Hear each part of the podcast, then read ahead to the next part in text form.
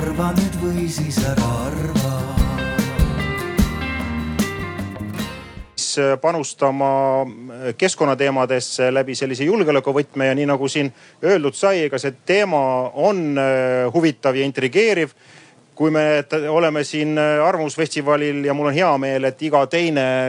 vestlusring üht või teistpidi puudutab keskkonnateemasid, siis tegelikult äh, tihtipeale me räägime sellest keskkonnateemast, kliimamuutustest küllaltki üldiselt ja me ei ole veel Eestis hakanud konkreetsemalt vaatama läbi konkreetsete tegevusvaldkondade ja nii välis kui ka sisejulgeolek on kindlasti teema, mis on risti ja põiki integreeritud keskkonna ja kliimateemadega. Ja, ja täna me siis järgneva pooleteise tunni jooksul minu eh, eestvõttel ja väiksel modereerimisel, minu nimi on Harri Mooramaa ja igapäevast leiba teenin äh, Stockholmi Keskkonnainstituudi keskkonnaeksperdina ja nendes valdkondades, äh, keskkonna ja kliima valdkondades olen üritanud kaasa rääkida juba, juba peaaegu kakskümmend aastat. aga hea meel on siis äh, tervitada kahte vestlejat, kes kindlasti avavad seda teemat äh, palju konkreetsemalt ja meil on äh, Politsei- ja Piirivalveameti peadirektor Elmar Vahel, kes kindlasti annab meile hea sissevaate PPA seisukohast ja võib-olla ka laiemalt, et kuidas siis keskkonnateemad, kliimakriis ühelt poolt äh, mõjutab meie julgeolekut, aga teiselt poolt kindlasti me tahame ka rääkida, et kuidas PPA ise on sellise oma valmisoleku eh, ühelt poolt kriiside, aga teiselt poolt, miks mitte ka keskkonnamõju vähendamise osas eh, teinud. ma tean, et seda on päris palju. ja teiselt poolt siis Ivo Juurvee, Rahvusvahelise Kaitseuuringute Keskuse teadur ja, ja uurimisprogrammi julgeolek ja kerksusjuht ja meil on siin Ivoga olnud väikene koostöö, millest sa kindlasti, ma loodan, ka räägid. selline keskkonnajalajälje metoodika väljatöötamine kaitse, sisejulgeoleku valdkonnas. ma arvan, et sina oled ka väga hea ekspert võib-olla üldistamaks seda kliima ja keskkonnakriisi temaatikat läbi see julgeoleku prisma ja, ja oskad kindlasti tuua meile siin kuulajatele nii mõningaid huvitavaid fakte, et, et, et mida see tulevik siis meil võiks äh, tuua ja, ja, ja nii nagu ma oma jutu vest- ve,, ve, veeretamisega olen siin juba väikselt, vaikselt proovinud avada, et, äh, et tegelikult jah, see kliima, aga ka keskkonnateema laiemalt äh, tegelikult mõjutab juba täna meid, mõjutab ka meie julgeolekut ja, ja, ja, ja noh võtke lahti mis tahes viimaste päevade ajalehte, näete, et iga teine artikkel ka käsitleb neid teemasid ja siin on muidugi oluliselt kaasa aidanud äh, viimasel ajal äh, siis just Euroopa Liidu tasandil ja ka ÜRO tasandil välja toodud raportid, mis siis käsitlevad kliimaolukorda ja, ja, ja teiselt poolt siis Euroopa Komisjoni meetmepakett Fit for viiskümmend viis või fifty five, eh, mis ka tegelikult meie elu eh, lähiaastatel hakkab eh, otseselt läbi sellise keskkonna, aga ka laiemalt majandus ja miks mitte ka julgeolekupoliitika prisma mõjutama, nii et ühelt poolt kindlasti see, mis puudutab sellist üldist olukorda, mis puudutab globaalse tasandi keskkonnamõjusid ja noh, siin võib väga selgesti ju me näeme ka ise tunnetame oma naha peal selle tänase või selle juba vist, ma ei tea, loodetavasti ei ole veel möödunud suvi, aga, aga, aga selle kuumalaine taustal, aga see, mis me siin Eestis tunnetame, on siiski pinnavirvendus võrreldes sellega, mis tegelikult globaalsel tasandil toimub ja, ja tegelikult need nii-öelda küllaltki pessimistlikud äh, sõnumid, mida teadlased siin ÜRO kliimaraportis ka välja toovad, näitavad, et tegelikult Äh, see kliimamuutuste või kliima soojenemise tempo on selgesti kiirenenud äh, ja need tegelikult need mõjud, äh, mida me oma naha peal ka siin Eestis, aga mida juba ka globaalsel tasandil väga räigel kujul tunnetatakse. tegelikult need on juba, juba nii-öelda palju kiiremini toimumas ja, ja, ja mitte ma muidugi noh, meeldib mul rääkida, ma igaks juhuks tõmban siis ennast tagasi ja ja, ja, ja võib-olla Ivo, sa võib-olla siis äh, avad natukene sellisel globaalsel äh, tasandil, et, et, et kõik need äh, kriisid, mida me siin tunnetame ja ka, ja ka siin Arvamusfestivalil eelpool äh, räägijate sõnul on ju välja tulnud, mis puudutab just seda nii-öelda pagulaste migratsiooni teemat, eks ju, me vaatame väga selgesti ja näeme, et, et kliimamõjud erakorralised soojalained, uputused, kuivus,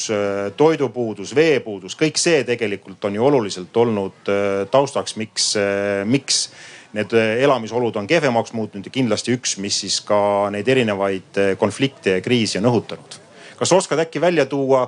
võib-olla olulisemat arengut ja, ja, ja mõned näited ja võib-olla siduda siis ka Eesti oludega, et mida me siis lähitulevikus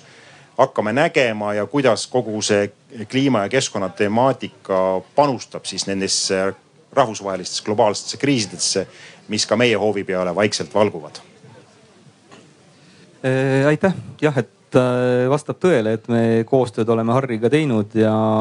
kuna Harri räägib mitte ainult palju, vaid ka väga targalt ja huvitavalt, siis suur osa teadmised on ka temalt pärit. aga ütleme, et äh, kui nüüd vaadata laiemalt, siis tegelikult ega see, et inimesed ühest kohast teise lähevad, ei ole midagi uut. et niimoodi on see olnud aastasadu ja aastatuhandeid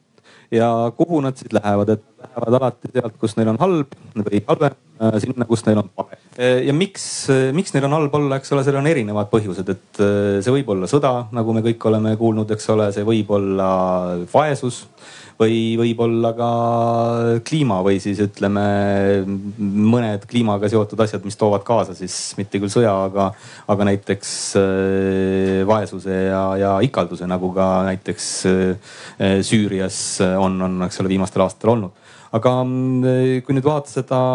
meie mätta otsast või, või ütleme PPA poolt, siis ma, ma ei oska nagu, ma arvan, et tegelikult Äh, PPA vaates ei ole nagu väga suurt vahet, kui, kui äh, tuleb äh, inimene illegaalselt Eestisse. et mis see põhjus on, et kas see on sõda, vaesus või, või kliima, mis ta alguses liikuma ajanud on. aga kui neid inimesi tuleb rohkem, siis loomulikult see probleemiks võib saada aga kindlasti ütleme, ma arvan, et on mingisuguseid teistsuguseid asju, mis võivad äh, politseid märksa rohkem puudutada, et äh, mäletame, sellest on küll jah, juba kuusteist aastat möödas, aga kui oli orkaan Katriina ähm, siis äh, põhimõtteliselt koos elektriga kadus New Orleansist ka, ka noh tsivilisatsioon praktiliselt, et see tõi kaasa, eks ole, suured marodööritsemised, röövimised, vägistamised. et Äh, selles suhtes ma arvan, et on, äh, no see näitab, eks ole, mida loodus teha võib ja, ja mis, mis tagajärjed seal võivad olla sisejulgeolekule, aga õnneks elame me ikkagi hoopis teistsuguses kohas, kus see tsivilisatsioon ei ole ainult nagu õhkõrn kirme, vaid, vaid on sügavam, et kui äh, siin Lõuna-Eestis paariks päevaks on, on läinud elekter ära, et siis midagi sellist nagu, nagu seal see kaasa toonud ei ole, et ja noh, muidugi ma olen, ma olen sellega nõus, aga, aga noh, nii nagu mitmed äh, huvitavad uuringud, mis viimasel ajal on seda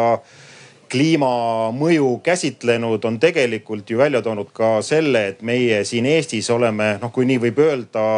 kliimamuutustest tulenevalt lähiperspektiivis vähemasti nii-öelda vinner või ütleme võitjariik. noh, see on küll väga lühiperspektiiviga, aga siiski, kui me võrdleme nüüd neid kliimakatastroofe ja seda elutingimuste Eh, mõju eh, kehvemaks muutumist, siis Eesti saab olema siin eh, lähiperspektiivis ikkagi mõnus riik ja, ja mitte ainult sellepärast,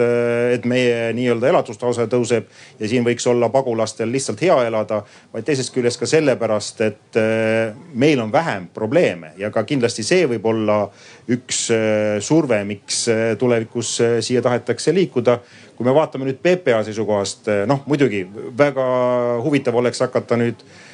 diskuteerima, et, et mis see pagulase mõiste on ja kes, keda e, üldse Euroopa Liidu piiridesse lasta, et kas nad on seotud ainult eh, mingite oluliste konfliktidega, inimõigustega.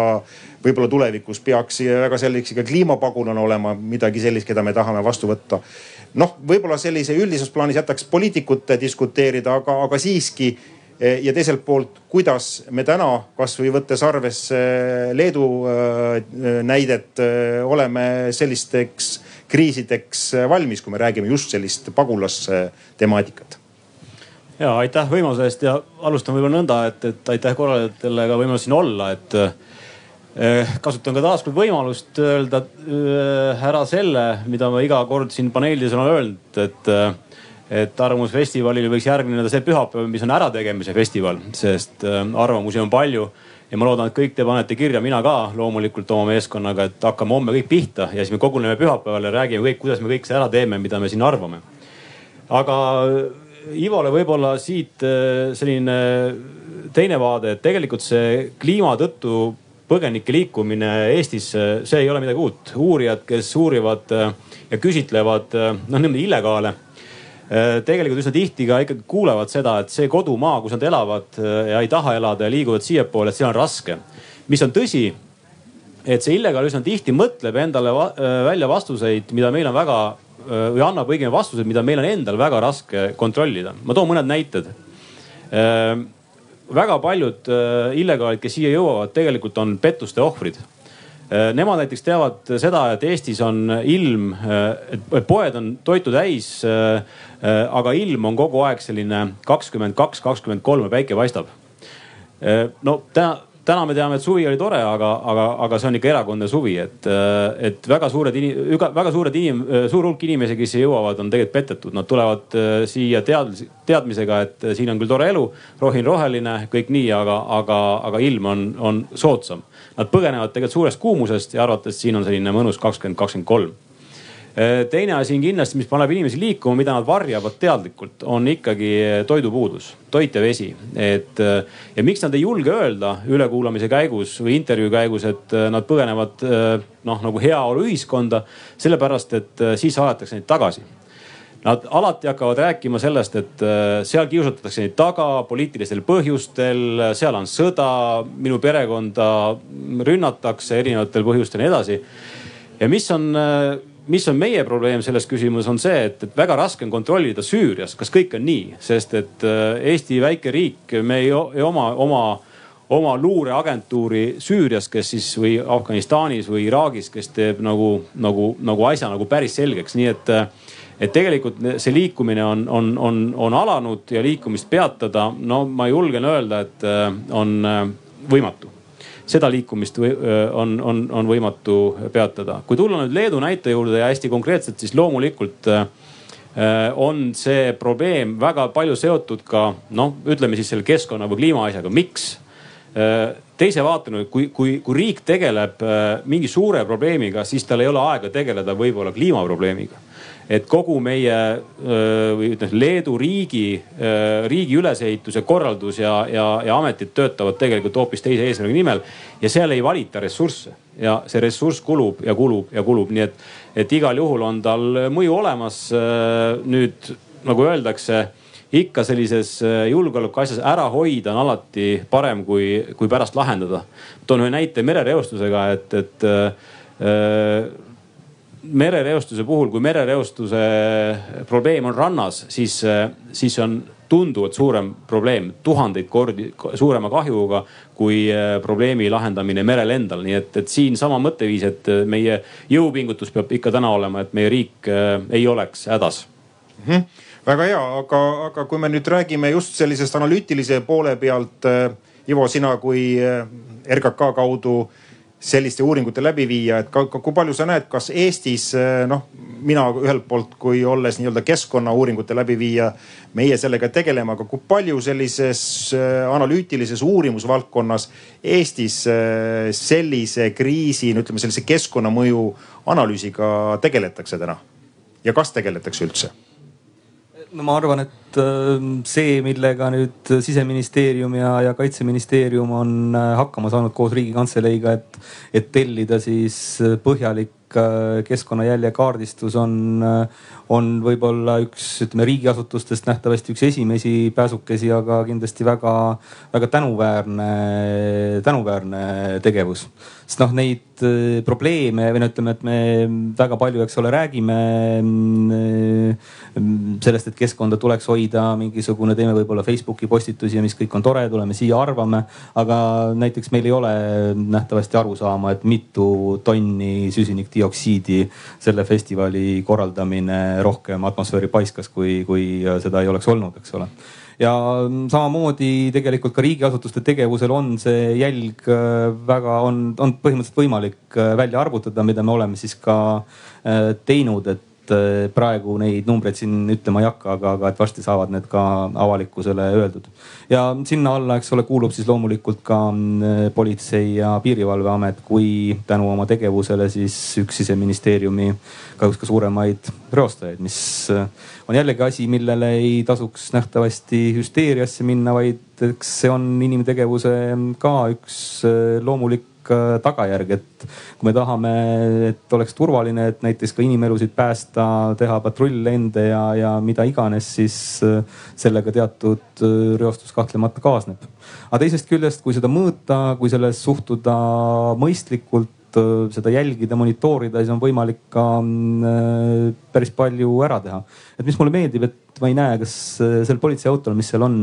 seisab meil siin on vist tuuleklaasi taga need vilkurid, eks ole, mitte katusel ja, jah, ta peidus no, jah. et äh, ma ei tea, kas sina, Elmar, tead seda, aga nagu ma sinu alluvat olen kuulnud, siis tegelikult hoiab see kokku linnasõidul kaks kuni kolm protsenti kütust ja maanteesõidul neli kuni kuus protsenti kütust. et lisaks sellele on ta ka odavam kui need vilkurid, mis sinna katusele panna ja lisaks sellele ta võtab nagu vähem, äh, vähem äh, Äh, materjali, äh, vähem plasti, eks ole, mis tähendab, et tema utiliseerimine ja see kahju on ka äh, loodusele väiksem ja, ja ja üldse, ühesõnaga see on üks minu meelest paremaid nagu win-win situatsioone, kus tegelikult on nii rahaline kokkuhoid kui ka see keskkonna kokkuhoid ilma selleta, et see teenus oluliselt halvemaks läheks, et no ma ei tea. teoreetiliselt me võime rääkida, et võib-olla juht näeb sealt halvemini välja ja tänu sellele on natuke ohtlikum sõita, aga et üldiselt on, on see väga win-win ja samamoodi ütleme, sarnaseid asju on tegelikult mitte ainult PPA-s, vaid, vaid riigis palju, et, et Äh, selline lihtne asi nagu kokkuhoid, energia kokkuhoid, ükskõik, kas see on siis kütmise põhjalt või, või transpordi pealt, on ju olnud, ma arvan, teemaks meil aastakümneid või vähemalt taasiseseisvumise, aasta, iseseisvuse taastamisest äh, saadik. ja, ja seal on ka palju ära tehtud, et ütleme, et see Eesti ütleme CO2 ekvivalendis äh, toodeti umbes kolmkümmend kaheksa miljonit aastal üheksakümmend, äh, kolmkümmend kaheksa miljonit tonni, eks ole. Äh, toonane Eesti NSV, praegu on see umbes kaheksateist miljonit, et meie jälg on vähemalt süsinikdioksiidis peaaegu kaks korda vähenenud no eriti veel viimastel aastatel, kus on põlevkivi põletamine ikka oluliselt vähenenud, aga me tuleme kindlasti nende äh, nii-öelda äh, riiklike jõupingutuste juurde tagasi, aga enne kui me nüüd äh, konkreetsemalt äh, sisejulgeoleku ja, ja PPA keskkonnategevuse näidetega edasi läheme, me ikkagi tõmbaks selle,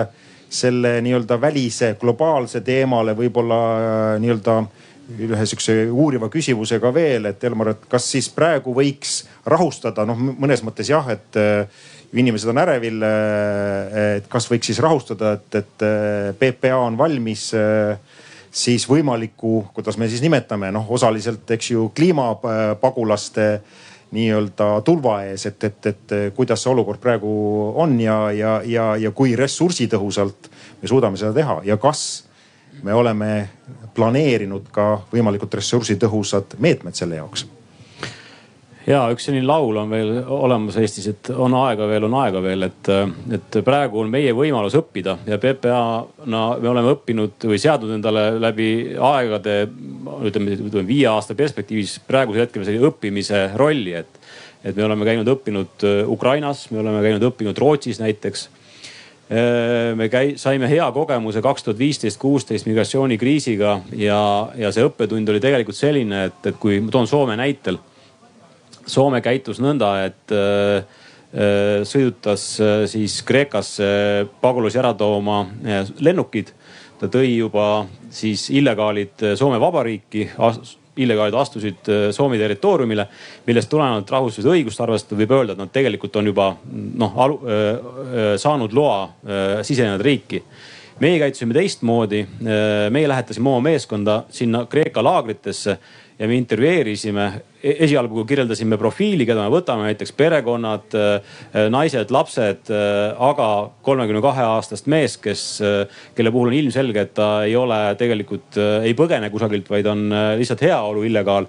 tema puhul valisime hoopis teise tee, et ei võta. Ja proovi, proovisime pigem tõestada siis seda, et, et, et see riik, kust ta tuleb, on turvaline riik ja läheb siis tagasi et seepärast neid võimalusi on. kas PP on valmis? siin vastus on üks jah, politsei- ja piirivalveamet on massilise sisserände eestvedaja, aga meie valmidus sõltub tegelikult väga paljudest äh, teistest asutustest. mõned näited. Äh, see on hästi-hästi nagu detailne teema, aga jagan võib-olla selle ploki kolmeks, et äh, üks on tõesti see kurjategija illegaal, kes tahab tulla Eesti riiki, tema puhul on peavastutus Politsei- ja Piirivalveametil Äh, teine on siis äh, rahvusvahelise kaitse menetluse läbiviimine, mis on ka meie roll, aga kolmas, mis on ülioluline, on, on siis ikkagi äh, inimeste hoidmine, kes, kes on saanud elamisloa ja see vastutus on sotsiaalministeeriumil, õigemini siis Sotsiaalkindlustusametil, kes peab otsima need sellised elukohad. noh näitena täna me sotsiaalkindlustusamet on läbi rääkimas Tallinkiga, et pered paigutada elama laevadele. et, et nagu me teame, laev on nagu hotell millel on omad riskid, kujutage ette, et siis perekond hakkab looma sellist visuaali või pilti ja Facebookiga jagama sinna Afganistani või Iraaki, et tulge siia, et siin elu ongi nagu äh, äh, Rootsi laevas. Mistra maas ja, ja, ja, ja Rootsi laud ja karaoke ka õhtul, et et äh, seal on ka omad riskid loomulikult, aga võimalusena me, me niimoodi ka seda teeme, nii et vastuseks sulle, et siin äh, lõpuni valmis olla ei saa äh, kunagi, aga koos partneritega, Kaitseliit, äh, Sotsiaalkindlustusamet, kogu kogukond oleme valmis nii palju, kui me oskame. Mis on oluline nende selliste kaasuste puhul on ka läbi mõelda, mida me soovime saada, kui me soovime integreerida äh, inimesed oma kodust äh, teise kultuuriga, võib-olla natukene äh, teist eluviisi elavaid inimesi oma ühiskonda, siis, äh, siis tegelikult me peame mõtlema, kuidas see algab. meil on Vao näide, kus, äh, kui Vaos pandi siis nende kodu põlema, et mis siis juhtus, ühiskondlik probleem oli väga suur, et, et eks nendega tuleb ka harjuda, aga, aga veel korra, et, et tegelikult selle, sellega selles kokkuleppimine või sellega harjumine on kõigi meie ülesanne. kui kogukond on meie poolt, siis on ka politseil lihtsam oma asju teha mm. -hmm, väga hea no tuleme siis äh, konkreetsemalt äh, lähemale meile kõigile siin Eestis ja, ja tegelikult ju nii nagu ma alguses ütlesin, eks ju, et see kuum suvi on äh, tegelikult ka pannud meid üha rohkem mõtlema selle kliimamuutuse tule, nii-öelda tulemuste peale. ja, ja, ja, ja lõppkokkuvõttes noh jällegi me seda tunnetame siin siiski veel vähe, aga siiski noh, kui me hakkame visioneerima, et mis siis need nii-öelda äh, kuumenev temperatuur, eh, noh üleujutuste puhul on Eestis mõnevõrra lihtsam see teema, meil, meil selgesti ole, meie esivanemad on valinud väga hea koha, kuhu, kuhu elama asuda. aga kindlasti tulekahjud eh, ja eriti, mis puudutab metsatulekahjusid. noh, väga palju see metsateema on olnud ka keskkonnateemana üleval. palju on räägitud, et, et, et mets peaks säilima sellisena, nagu ta on. noh, tule, tulevikus võib juhtuda nii, et see mets, kui ta on hooldamata, ta lihtsalt äh, põleb meil kätte ära ja tegelikult kõik see temaatika ju otseselt puudutab ka teie tegevust ja valmisolekut. et siin on terve rida asju, mida tegelikult äh, süsteemselt peaks analüüsima. ja, ja siit tulebki nüüd järgmine küsimus, Elmar sulle, et kuidas te nagu sellisest strateegilisest vaatest äh, sellist ütleme küllaltki uudset olukorda, sest et kogu see keskkonna ja kliima teema on ju üles tõstatunud alles siin paari viimase aasta jooksul Eestis. ega seda varem ei ole ju väga teadvustatud äh, ja, ja ütleme sellistes erinevates ministeeriumi tasandites, välja arvatud siis keskkonnaministeerium. kuidas siis sellisel strateegilisel nägemus on teil loodud ja äkki sa saad paari sõnaga seda meile valgustada? ja aitüma, kõik algab mõtteviisist ja, ja ma toon võib-olla kaks, esialgu kaks pilti, et üks pilt on suure organisatsiooni roll. politsei- ja piirivalveameti suurus on viis tuhat töötajat. Äh, aga enne kui ma organisatsiooni juurde jõuan, siis, äh, siis äh, paar sõna ka sellest, et mida, mida saab organisatsioon ära teha üksikisiku jaoks. ma toon sellise näite, et öeldes, et meid on viis tuhat siis tegelikult võtame sellise keskmise Eesti perekonna, kus on ema, isa, kaks last. nii et selle, selle viie tuhande võib julgelt korruldada neljaga, me saame kakskümmend tuhat siis inimest, keda on võimalik organisatsiooni poolt mõjutada. järgmine näide on see, et meil on tuhat viissada abipolitseinikku pluss viissada merepäästjat, meie head partnerid, kolleegid. Et kokku teeb see pea seitse tuhat äh, inimest, keda, äh, kelle pere, perekondasid on meil võimalik mõjutada läbi nügimise, läbi, läbi mõtteviisi kujundamise, läbi, äh, läbi sellise äh, nagu hoolimise, et, et siia sõites ma küsisin ka oma, oma, oma healt healt partnerilt, et, et kuule, et kas sa oled midagi kuulnud selle kohta, siis, siis ma saan aru, et, et veel ei ole. ma sain aru, et ma pean veel kõvasti tööd tegema. Aga nüüd tulles organisatsiooni juurde, et siis ma kasutan võimalust äh, Äh, siis Ivo selja taga on meie PPA strateegia kakskümmend kolmkümmend. see on, see on see selline, see ei ole laeva ventilaator või, või sõukruvi või, et PPA ei ole ventikas, ärge seda arvake, tundub ventilaatori moodi asi olevat. aga ma paari sõnaga äh, räägin võib-olla läbi kolme vaate et siin on kirjas selline eesmärk, et me tahame osutada Eesti inimestele tarka ja kiiret abi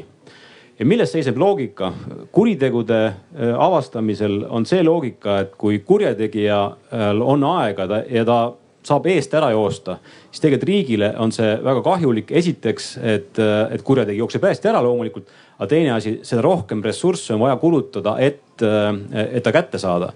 mis on võimalus, võimalus on see, et, et meie meeskonnad on võimalikult lähedal võimalikult sellele kuriteo sündmuskohale. ma toon näite, et, et patrullpolitseinike esmaspäeval vastu teisipäeva on, on väljas poole vähem kui laupäeval vastu pühapäeva, sest et meie väljakutsete või meie töö maht on, on kordi-kordi suurem. jaaniööl ei ole, jaaniööl on Tallinna Toompea tühi politseist, aga argipäeval on ikkagi seal politsei olemas, see on üks vaade. Järgmine vaade ma toon siia näite, piir peab näiteks, et meie eesmärk on, et, et meie riigipiir peaks. Ja kui ta ei pea, siis tegelikult on äh, pätid Eestis. kõik need pätid, kes tahavad Eestisse tulla, tulevad vabalt üle riigipiiri ja me ei tea, kes siin, kes siin oma, oma äh, äh, oma pättusi toime paneb ja, ja kui, kui kurjategija, äh, kui, kui me ei tunne kurjategijat, kui kurjategijal ei ole ID-kaarti, kui kurjategijal ei ole sõrmejälgi, DNA-d, siis meil on väga raske oma, oma uurimisi läbi viia. ja võib-olla viimasena ma toon mingi näite, et õigus on jalule seotud. ja kasutan võib-olla siin auditooriumit ka, et, et Öelge palun, äh, kui, äh, kui äh, te olete sattunud olukorda, teil on jalgratas ära varastatud. siis mis see teie kõige suurem huvi on üldsegi kodanikuna? mis see huvi on, kui oletame, et, et ratas on ära varastatud, mis on paha lugu, et me tegelikult tahaks, et ei varastaks keegi ära, aga oletame, et see on juhtunud, ratas on ära varastatud. siis enam-vähem ma teie mõtteid ei loe loomulikult, aga, aga ma arvan, teie huvi on ratast tagasi saada Teie huvi ei ole käia viis korda politseis ütlusi andmas, pärast kolm korda kohtus, maakohtus, ringkonnakohtus, riigikohtus on ju et tegelikult, et see mõtteviis või PPA mõtteviis on selline, et, et me proovime ära hoida, et ratast ei varastaks keegi ära. seal on ka oma metoodika, seal võib eraldi loengu pidada, aga, aga see on võimalik. et, et vastates siis või kokkuvõte, et, et Politsei- ja Piirivalveameti strateegia ülesehitus on noh, ma proovin seda niimoodi lihtsalt öelda et ülesehitus ja mõtteviis on, on ikkagi see, et me säästaksime oma töötundi, kütust, energiat ja nii edasi, edasi, edasi, et võimalusi on väga palju ja, ja, ja siin teie ees olles viie tuhandese organisatsiooni juhina ma julgen öelda, et läheb raskelt, hästi raskelt Ivo ka korra mainis, et kas, kas on seda võimalik uurida. mina väidan, et PPA osas on meil kõva tee veel käia, et üldsegi, üldsegi jõuda sinna, et me, et me suudaksime seda keskkonnamõju oma asjades nagu uurima hakata, öelda väga selgelt, vot, et, et nagu, nagu Ivo näite tõi, et patrullauto, millel ei ole katusel vilkurit, et tema kütusekulu on äh, nii, nii mitu protsenti väiksem. kõva tee on veel käia, aga algust oleme teinud ja, ja, ja mõtteviis on juba enam-vähem olemas no see kaldub ka sinna suunas, et eks ju see põhiasi oleks ennetamine, see on küll kriminaalseadusandluse termin. keeleliselt ütleme keskkonna valdkonnas oleks parem sõna vist vältimine, ennetamine vist enne ärategemine, et kui sa räägid saastuse ennetamisest, siis sa vist võiks nagu saastust enne teha, kui ta päriselt tekib, aga see ei ole hea. aga ma saan täitsa aru, teie valdkonnas ennetamine, et see on ülioluline ja, ja see on tegelikult ka ju vana keskkonna põhimõte, et me ei tegele tagajärgedega ehk siis toruotsaga, kust see saastus välja tuleb, et me peame tegelema põhjustega ja ennetamisega. ja ma saan aru, et see on nüüd oluline, oluline osa, aga, aga kui me nüüd tuleme siiski äh, PPA ja ütleme üldisemalt julgeolekustruktuuri tegevuse juurde, siis kodanikuna ju me tahame, et see oleks kvaliteetne, hea. jalgratas peaks olema kohe kätte saadud järgmisel päeval, otsigu, otsigu või siis helikopteriga politsei seda ja nii edasi, et tegelikult me näeme siin teatud sellist vastuseisu ühelt poolt inimeste ootuste, lootustega head teenust saada ja teiselt poolt me räägime, eks ju, ressursside säästmisest kokkuhoiust äh, ja, ja me teame ju, et, äh, PPA või julgeolekusüsteemi äh, kulud pidevalt suurenevad, sest et kõik ressursid on, mida me vaatame nagu keskkonna seisukohast, on teiselt poolt ju ka rahaga mõõdetavad, eks ju. et kuidas see teema on, äkki sa Ivo oskad siin mõningaid näiteid tuua, kus see võib-olla väga nii-öelda karmilt või radikaalselt viimasel ajal on ka välja toonud ja kus sul võib-olla on mõningaid kogemusi jagada noh, ma arvan, et radikaalselt äh, ma nähtavasti ei oska küll midagi välja tuua selles suhtes, et need protsessid, nagu ma enne mainisin, tegelikult ütleme nii palju kui mina lihtsate, lihtsate sõnadega nagu ütleks, siis esimene asi nagu, kuidas keskkonda hoida, on see, et mitte laristada, eks ole. mitte asja eest teist taga raisata ükskõik mida siis, kas plasti, olgu see vesi, olgu see elekter, mida iganes. ja tegelikult sellel teel, nagu juba juttu oli, on just sellesama ressursi, ükskõik kui palju ta ei ole, siis laristada ei ole nagunii mõtet ja on, eks ole, palju ära tehtud aga muidugi see, et nendest teemadest räägitakse, nendele mõeldakse, ei ole sugugi halb, sellepärast et ütleme, paljud asjad saab nagu Äh, ka läbi kalkuleerida ja vaadata, mis nende jälg siis tegelikult on. ütleme näiteks, millega ma arvan, et on kõvasti kokku hoitud ja seeläbi ka keskkonda hoitud, on need ühishooned ja, ja mida siseministeeriumi haldusalas on äh, tehtud, mis on, eks ole, nad uued, moodsad, mis tähendab seda, et neid on vaja vähem kütta. seal on äh, need kulud ja mitte kulud, vaid ütleme, raiskamine on viidud nii miinimumi, kui, kui üldse olla saab aga teisest küljest äh, nagu Elmar ka mainis, on äh, vaja kiirust, eks ole, et et äh, politsei ei saa tulla mingisugune mitme tunni pärast äh, kohale, ükskõik kas siis jalgrattaga või, või, või mingisugune äh, väga siis loodussõbraliku elektriautoga ja kuskilt hästi kaugelt. ja selleks, et kiiresti kohale jõuda, on põhimõtteliselt ju kaks võimalust, et kas olla lähemal, nagu siin mainiti, või siis see, et võimsamate autodega. ja siin on tegelikult asjad, mis on võimalik nagu läbi, läbi arvutada, et kui mingi hoone kuskil kinni panna, siis see tähendab rohkem autoga sõitu ja siin on olemas, eks ole, konkreetne siis äh, nii rahaline kui, kui ka keskkonnajälg, mis sellel taga on ja on võimalik teha see mõistlikum, äh, mõistlikum äh, järeldus. või no ütleme, ma ei tea, panna haigla kinni, eks ole, mis toob kaasa mingeid näiteks neid meditsiinilende helikopteriga, mis on suhteliselt, eks ole, karm asi keskkonnale, et, et mis on mõistlikum, et, et nii ta on ja mis üks asi on, mida peaks nagu nähtavasti vältima, on see, et nende ütleme asutuste üksteisele vastandamine, et ma kujutan ette, et noh äh, igal asutusel on nagu mingisugune spetsiifika ja mingid põhjused, mikspärast äh, see jälg, mis tast jääb, on, on täpselt selline nagu, nagu ta on, et noh, näiteks PPA, eks ole, et äh, erinevalt meist, kes me oleme kogu aeg kahe jalaga maa peal, äh, peab toimima vees, eks ole, mis on nagunii kallim ja mis võtab palju rohkem kütust, laevad siis. ja ka õhus, mis on veel palju kallim ja võtab veel palju rohkem äh, kütust. aga teisest küljest ma arvan, et näiteks ütleme, mis puudutab ruumide kütmist, siis on, on need numbrid suhteliselt mõistlikud, aga ma eeldan, et näiteks kuskil kultuuriministeeriumi haldusalas võib see olla hoopis äh, teistsugune, et ütleme, ei saa võrrelda tuttuut kontorihoonet näiteks selle torniga, mis meil äh, siin äh, samas kõrval on, et, et noh, et keskaegseid kindluseid me ei saa sama efektiivselt ähm, kunagi kütta. Nii et jah, ma arvan, et see mõistlikkus on oluline nähtavasti igal pool ja noh, ja nii nagu sa juba siin varem mainisid, eks ju, eraldi viitasid ühele projektile, ehk siis äh, ma kordan veel üle, et, äh, et loomisel on siis äh, nii kaitseministeeriumi haldusala kui siseministeeriumi haldusala keskkonnajala, jalajälje mõõtmiseks eraldi nii-öelda mudel ja, ja mis ajaks see valmis saab, et millal siis suurem rahva hulk võiks nagu selliseid tulemusi üldistatud kujul näha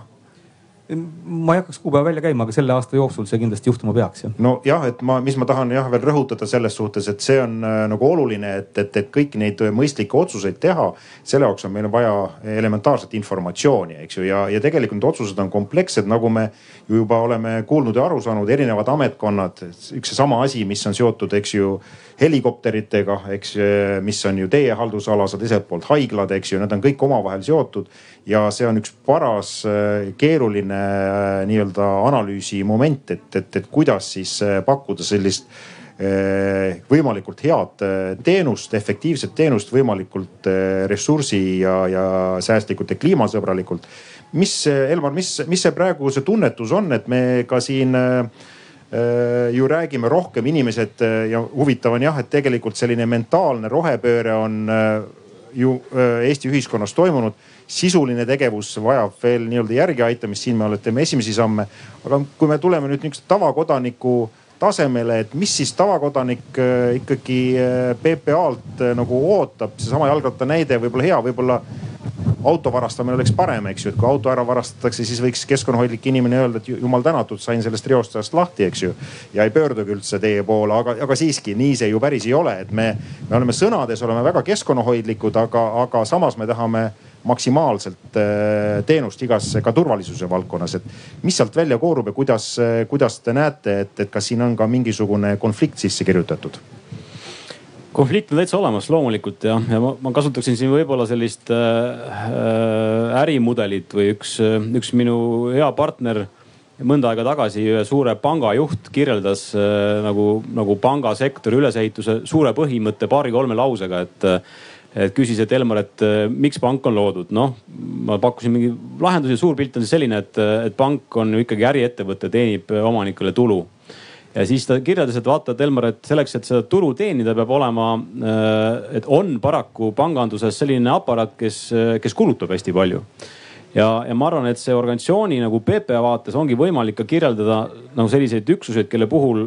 ongi nagu see kulu elementaarne, aga selle kulu puhul ja, ja sealt tulenevalt ka loomulikult siis saaste pool öö, äh, äh, on nagu paratamatus. Äh, sa korra mainisid ka, ka haiglaid ja PPA teeb aastas umbes kakssada, kakssada viiskümmend meditsiinilendu. tähendab seda, et, et kõige suuremad partnerid loomulikult Saaremaa ja Hiiumaa kauged kohad, praamid vahest sõidavad, vahest sõidavad kai otsa, mis iganes, aga lende tuleb juurde. miks neid lende me teeme sinna? kas me teeme sellepärast, et meil ei ole vaja või et meil on väga igav, et tahaks nagu Saaremaal käia ja, ja, ja Kärdlas või Kuressaares maanduda, et ei, ei. Saaremaal, Kuressaares põhimõtteliselt ei ole arste ja, ja sellepärast me lendame sinna. iga patsient, kes on vähegi kriitiline, tegelikult äh, tuuakse PERH-i või, või me, me toome ta PERH-i või viime ta siis ta äh, Tartu haiglasse nii et, äh, nii et äh, mingisugused üksused PPA-s on paratamatus, aga veel korra, et on väga palju neid üksuseid, kelle puhul on ennetuse küsimus ennekõike tähtis, et, et ärahoidmise kaudu kulutada vähem sedasama teie kui maksumaksja raha, aga tegelikult ka nagu saastada vähem, sest ennetamine on kindlasti eh, tuhandeid kordi odavam nojah, et siit me nüüd jõuamegi sinna, et eh, ressurss ühelt poolt keskkonna vaates ja teiselt poolt siis riigi eh, nii-öelda rahakott, eks ju, ja, ja see peab olema balansis. Ja, ühelt poolt siis inimesed äh, olles üha rohkem keskkonnahoidlikumad, kindlasti ka nii-öelda kogukondlikumad, eks ju, elu maal, mida see tähendab. Kool peaks olema käekõrval äh,, haigla, sealhulgas sünnitusosakonnaga peaks olema käekõrval äh,, politsei peaks olema kõrva, käekõrval äh, eks ju, tuletõrje depoo samamoodi. ma saan aru, et tegelikult, kui hästi planeerida, siis võib äh, vastupidi, sellises mõnevõrra võib-olla üllataval äh, kujul äh, ja võib-olla esialgu arvata, et vot kus on ressurssi saastav, eks ju, helikopteriga lennata ja neid inimesi tuua. et võib-olla see oleks isegi siis lahendus. kas praegu, kuidas su tunnetus on, et kas sellises riigi tasandil, see on ka selles mõttes ju valitsuse riigi tasandil harjutus, et selliseid arvutusi ja, ja, ja, ja, ja teemasid välja tuua, et kui palju Eestis selline valmisolek on, et ma saan aru, et PPA mõtleb seda päris detailselt läbi, aga kuidas äh, nii-öelda teised partnerid äh, vastu tulevad ja võib-olla ka valitsuse eesotsas poliitikutega? ma olen võib-olla ülekohtune, aga, aga ma arvan, et see on põhimõtteliselt olematu praegu. et see mõtteviis, et selliselt mõõta, et, et kas oleks äh, keskkonnasäästlikum hoida Kärla haiglat täies hoos äh, või, või, või sõita siis tekitada valu ja pingeid, onju äh,. siis, siis seda mõtteviisi on vähe, et ma räägin oma väikse loo siia, kuidas, kuidas ma koormasin Eesti kiirabit, et proovisin olla roheline mees, ühel õhtul minna äh, minna elektritõukerattaga koju. Äh, ma elan Rannamõisa külas ja mul on sõita seal üks mingi paarkümmend kilomeetrit oma töökohast. Äh, ja minu eesmärk oli ka päriselt, ma mõtlesin, ma olen, proovin seal keskkonda võimalikult vähe, äh, vähe saastada veel oma ühe heale kolleegile, kellega me koos lõpetasime tööpäeva, ütlesin, et ma lähen täna siis tõukerattaga. mis juhtus, juhtus see, ma ei tea, kas te näete nii kaugel, et mul on see kulm hästi suuresti katki, siin on mingi kolm-neli õmblust. ühesõnaga minu mõte saastada vähem lõppes sellega, ma saastasin väga palju, ma olin EMO-s. Ootasin kolm tundi, kiirabi sõitis, vool kulus, arstid töötasid, õmbleja õmbles äh, ja nii edasi. mul oli valus ka loomulikult, et et tegelikult ja, ja, ja kui vastata küsimusele, milles, milles oli põhjus, põhjus oli pisikeses augus, mis oli tänavas, et äh, Kalle Klandorfile ma helistasin loomulikult ja kurtsin muret, et äh, vaata, et kulm katki ja sinu auk on ja et teeme mingit diili või tee, et. aga, aga jah, sinu küsimuse vastates, siis meil on ikka kõva samm veel minna selle mõtteviisini, et hakata neid rehkendusi tegema. ja see on, ma arvan, Ivo, Ivo kinnitab seda üle, et seda on võimalik teha. see ei ole enam üldsegi keeruline mõõta seda, seda keskkonna vaates, raha vaates me oskame ilmselt juba seda teha, et, et, et mis on odavam arst või mis iganes, aga, aga, aga keskkonnamõju, seda on võimalik ilmselt äh, juba analüüsida. no eks ta keeruline ikka on, aga on võimalik jah. mina usun Ivosse, Ivo suudab kõik no ja, ja kindlasti siin ongi Ivo-suguste ja võib-olla ka minusuguste natukene roll tegelikult seda äh, äh, nii-öelda kaasa aidata sellele, et, et riigisektor üldisemas plaanis ka selliseid äh, analüüse, arvutusi äh, teeb. Ja mul on jällegi hea meel äh, tõdeda, et eh, julgeolekusektor laiemalt ja nüüd ikkagi siseministeerium, kaitseministeerium kus ju väga suured ressursid on ja, ja kus me tegelikult oleme nagu sellises konfliktses olukorras ühelt poolt, kui me räägime kaitseministeeriumist, eks ju, mida tähendab sõda, eks ju, kogu sellises keskkonnamõju ja ka inimühiskonnale mõju seisukohast võttes. ja teiselt poolt, eks ju, kuidas seda vältida, jälle see ennetamise probleem ja mis ressursse sinna panna, kui palju, kuhu ja kuidas seda siis nii-öelda tasakaalustada üldise nii-öelda ühiskonna ootuse ja lootusega, sotsiaalsete aspektidega. nii et tegelikult siin on täiesti nii-öelda kündmata maa, kus tegelikult oleks vaja oluliselt rohkem nii-öelda panustada ja siin ei ole noh, ei aita ainult rääkimisest, kuigi tegelikult selline noh sisuline tegevus on oluline. strateegilise poole pealt me nägime, et eks ju PPA tasandil sa tõid välja, et selline ideoloogia, loogika on olemas seal. aga kui me tuleme nüüd konkreetsemate tegevuste juurde, ma tean, et äh, PPA on ju terve rea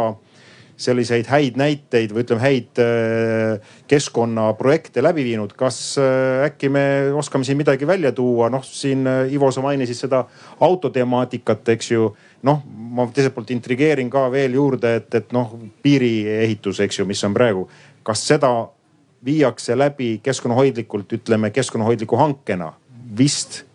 ei ole see keskkonnahoidlik hanke, et seal on need prioriteedid jällegi hoopiski teised, eks ju, aga, aga kas sealt saaks neid asju teha? Ja mida te olete teinud, äkki lühidalt oleks võimalik näiteid tuua ja idapiiri ehitus, kuhu läheb väga palju raha, et, äh, et see äh, ehitus ei saa alata enne, kui keskkonnamõju uuring on tehtud, et äh, aga, aga loomulikult iga, iga ehitus omamoodi nagu mõjutab keskkonda ja, ja, ja, ja paneb sead, põrsad, koprad käituma teistmoodi liblikad. on ka meil neid näiteid olnud, kus ehitus seisab sellepärast, et on leitud imeline taim ja, ja nii edasi, aga see võib-olla ei ole saastega niivõrd seotud võimalusi on palju ja, ja veel kord äh, ütlen, et teha on ka palju, aga võib-olla mõned näited, äh, kus ma arvan, me oleme olnud edukad ja, ja, ja mõtteviisi seesama, mis ma ka selgitasin, on hakanud rakenduma, et võtame kasvõi ID-kaardi näited, kus, kus me liigume seda, seda teed pidi, et inimene ei tule Eesti politseisse iga viie aasta tagant kaks korda, et, et me oleme loonud võimaluse, et inimene saab teha seda kodunt. ta teeb selle pildi, ta e-taotluskeskkonnas taotleb omale dokumendi. juhul loomulikult, kui me teame seda inimest ja mina, Elmar Vaher, kes ma olen neljakümne kuue aastane, ma olen siin sündinud. minust teab riik väga-väga palju, et, et mind ei pea Eesti politsei visuaalselt kontrollima iga viie aasta tagant. et see on nagu üks näide, aga, aga siin on ka veel edasiminekuid, kus,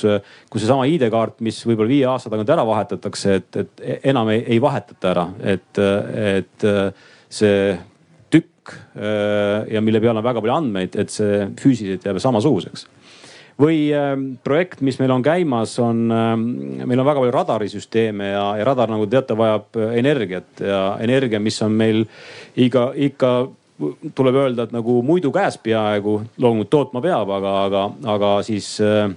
olema nüüd kakskümmend, kakskümmend kaks minemas üle paljudes kohtades äh, olukorrale, kus radari positsiooni elektrit ei tooda enam äh, diiselgeneraator, mida me ka viime äh, mööda merd või õhku pidi, Vaindlo saar, Naissaare näiteks. kus võib ka tekkida ju tegelikult ikkagi keskkonnareostus. et oleme üle, üle minemas ikkagi õhu ja, ütleme tuule ja, ja päikseenergiale, et, et ma mõistan, et ega see päikesepaneel ei ole ka teab mis ohutu värk, et, et äh, aga, aga see uuring on tehtud, et, et tema, tema jalajälg kindlasti on väiksem. näiteid loomulikult veel, et, äh, et kasvõi, kasvõi sama mõtteviis, et nügida oma inimesi, et äh, kutsun kõiki siinolijaid omale külla minu kabinetti, et kui te ja mitte hoobelda, aga kui, kui politsei- ja piiriameti peadirektori lauale tekib äh, nädalas üks paber või kaks paberit ja need on tavaliselt punase templiga salajased. sest et seal ei ole veel hea, väga head äh, andmekogu, siis, äh, siis ma annan teile sada eurot kohe või, või, või teen hea sampuse välja. mul ei ole pabereid, ma töötan peadirektorina nii, et mul ei ole pabereid, et oma kolleegidele Läti, Läti, Leedu, Soome ja nii edasi alati näitan oma kabinetti, et see on võimalik, see, see ei ole, see ei ole väljamõeldis võimalusi on, võib-olla mõned jah, need räägitud, toodud teie ette nojah, et äh, jah, sa puudutasid ka poole sõnaga sellist äh, oma inimeste, töötajate valmisolekut ja minu enda kogemus äh, organisatsioonis sellist keskkonnajuhtimist, keskkonnategevust juurutada ongi üks, üks selline raskemaid pähkleid on see, et kuidas inimesi kaasata. kuidas sa tunnetad, et esi, esi, ühelt poolt, et kas inimeste, noh, inimesed, kes tulevad tööle, eelkõige ma kujutan ette noorem, noorem seltskond. kuidas on see nende tänane nägemus, valmisolek, mis, kas on tekkinud ka mingeid nõudmisi mm, keskkonna seisukohast vaadatuna, et kuidas see, see perspektiiv on äh, PPA süsteemis? Eh, ütlen nii ja, ja proovin olla hästi konkreetne, et äh, noortega on lihtne, vanade olijatega väga keeruline. et äh, noortega lausa nii, et nad nõuavad keskkonnasõbralikkust. et, et siin minu hääd kolleegid, kes, kes siin korraldustiimina on, nende, nende meeskonnas alustas üks inimene tööd mõnda aega tagasi. esimesel päeval küsisid, kuulge sõbrad, et aga te nagu prügi sorteerige siin, et nii nõme organisatsioon olete et, et, et tegemist oli, oli, oli noore inimesega, aga eks harjumusi tuleb muuta ja, ja, ja mul on küll usku, et, et noored veavad lihtsalt vanad, vanad olijad järgi, et siin ei ole pääsu, et see on nagu selline natuke häbenemise koht, et et ja häbi, nagu te teate, muudab inimesi väga palju. nii et äh, muutus läbi suhtlemise, äh, läbi, läbi suhtumise, läbi, läbi juhtide eeskuju ja ma ei varja seda öelda, et, äh, et kala ikka mädaneb peast, et kui, kui sa ise seda ei tee, siis sa ei saa seda kunagi ka küsida või, või tahaks öelda isegi nõuda.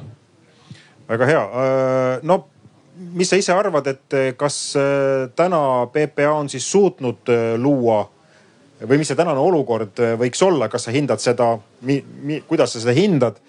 ja millised siis äh, sa näed, et mida oleks vaja veel äh, kiiremas korras ära teha, et, et nüüd nii-öelda esmatasandil keskkonnahoidlikumaks muuta. no muidugi sellest strateegilisest tasandist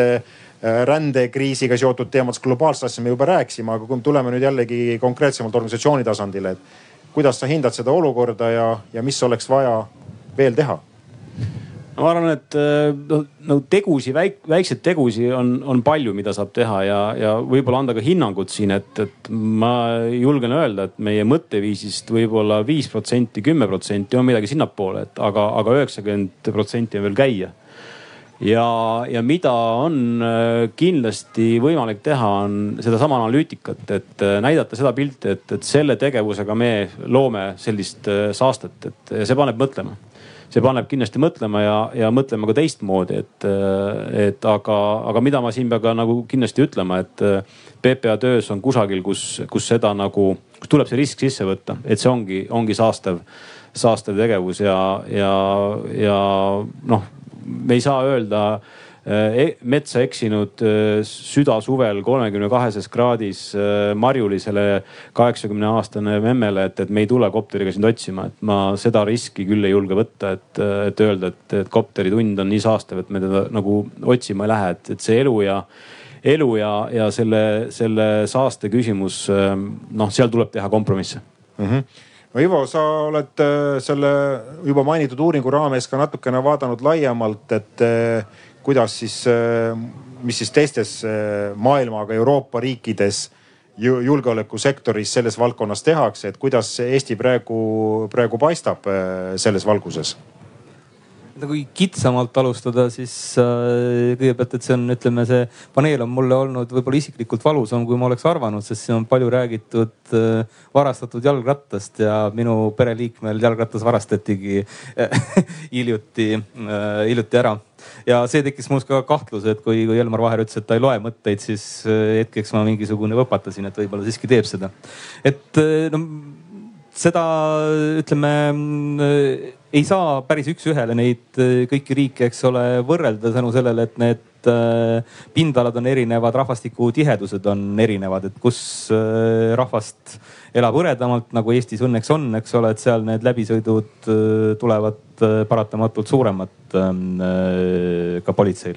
aga mm, äh, nagu öeldes, et see võrdlus ei oleks, ei oleks äh, päris teaduslik nähtavasti, aga et nad üldiselt ma küll ei ütleks, et Eesti politsei kuidagi millegi väga negatiivsega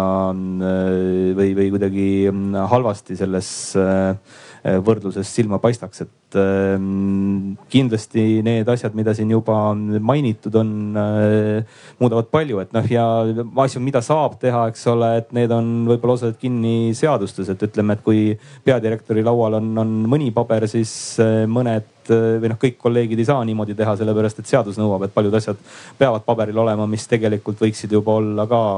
ainult digitaalsed. või siis ütleme see, et Ähm, äh, riigihanked, et äh, tihtipeale äh, seadused ütlevad, et Äh, tuleks eelistada või no ühesõnaga tuleb lihtsalt eelistada kõige odavam või odav, et see keskkonna, keskkonnadimensioon ei ole hanketingimustes äh, valdavalt sees. ja kohati saab seda paremaks teha, kohati võib see teha ka asja äh, keerukamaks, et paljud hanked ongi nii spetsiifilised, et, et tuleb ainult üks pakkuja, üks-kaks pakkujat ja juhul, kui seal veel hakata keerama mingisuguseid muid asju,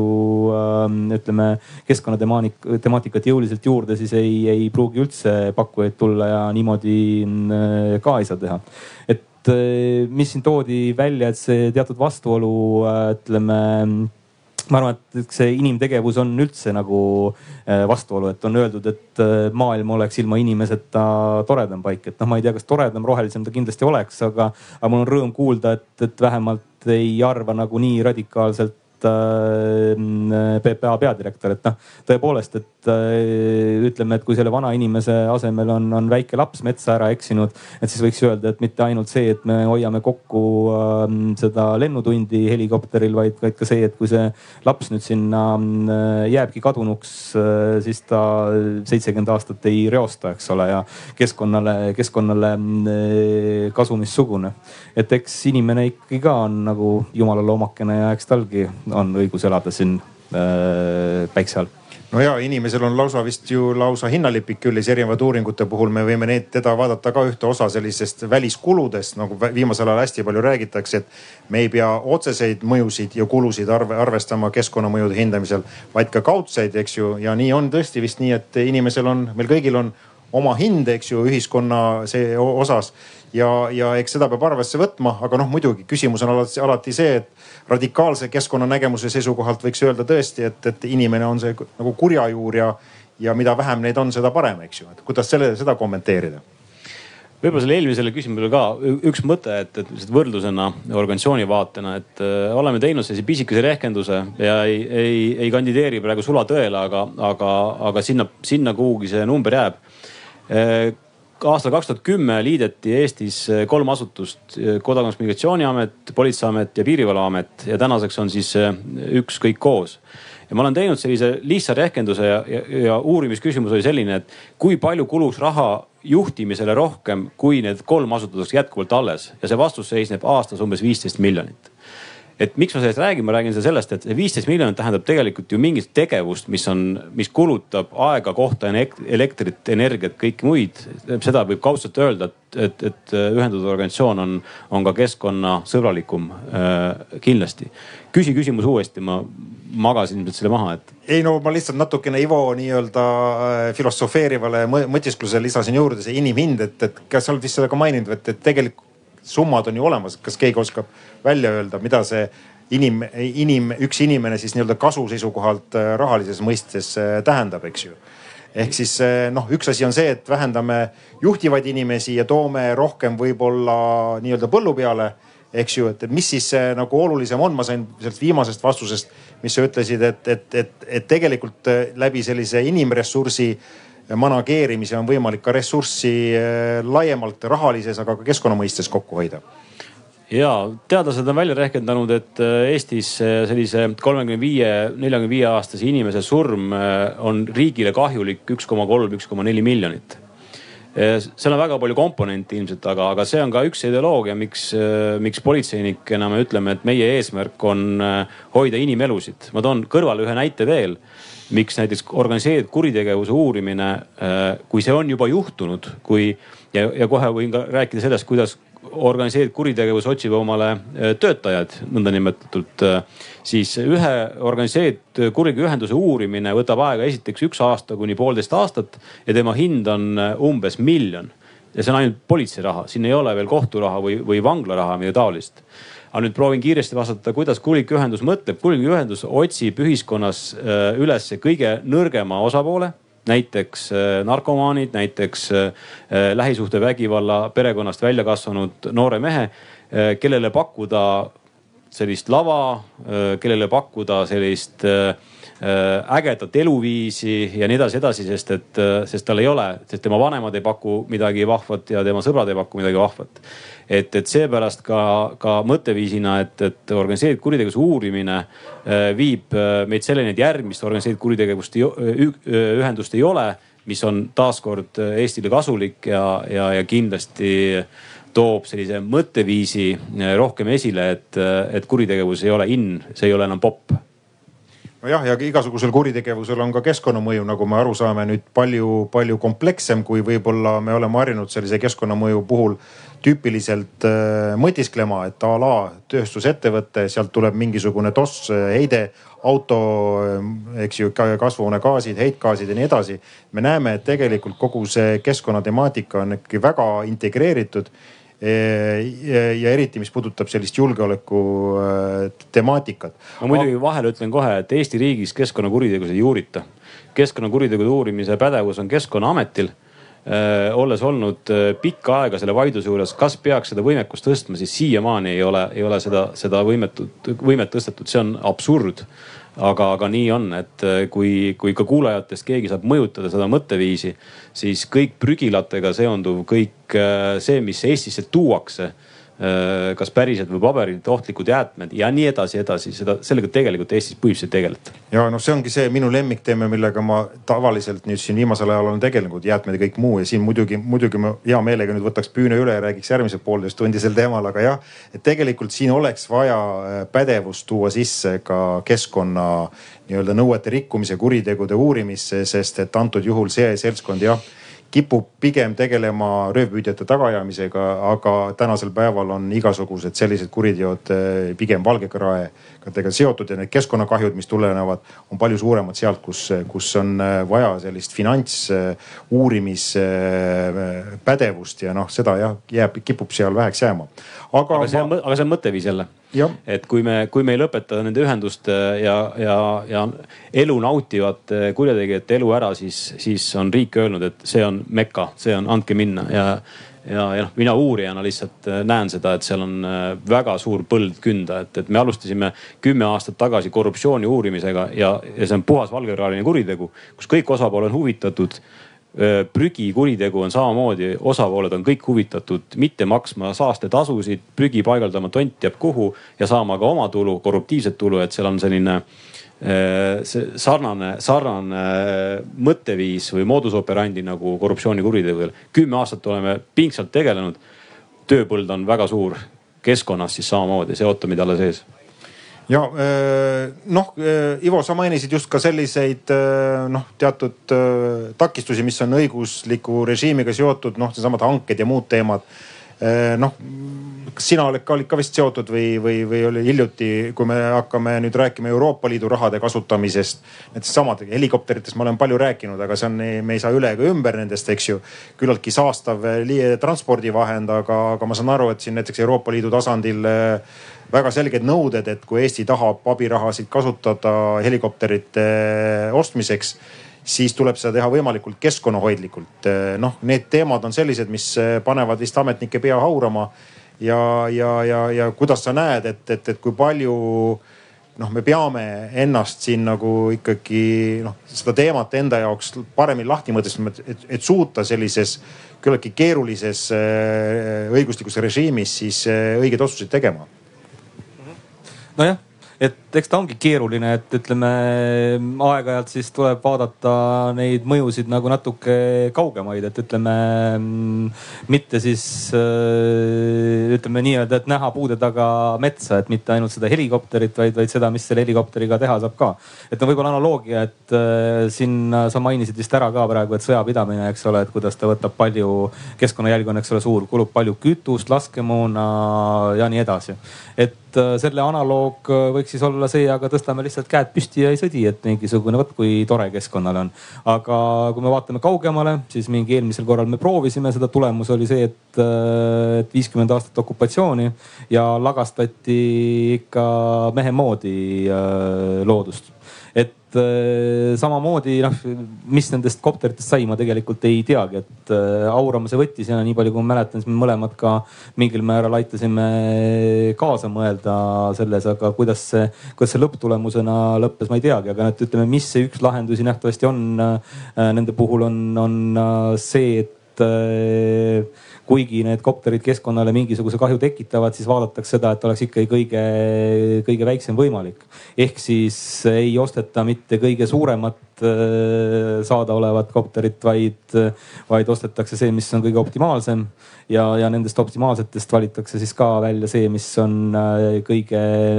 kõige vähem saastaval viisil toodetud ja, ja mis saastab ka oma ekspluatatsiooni jooksul äh, kõige vähem aga noh,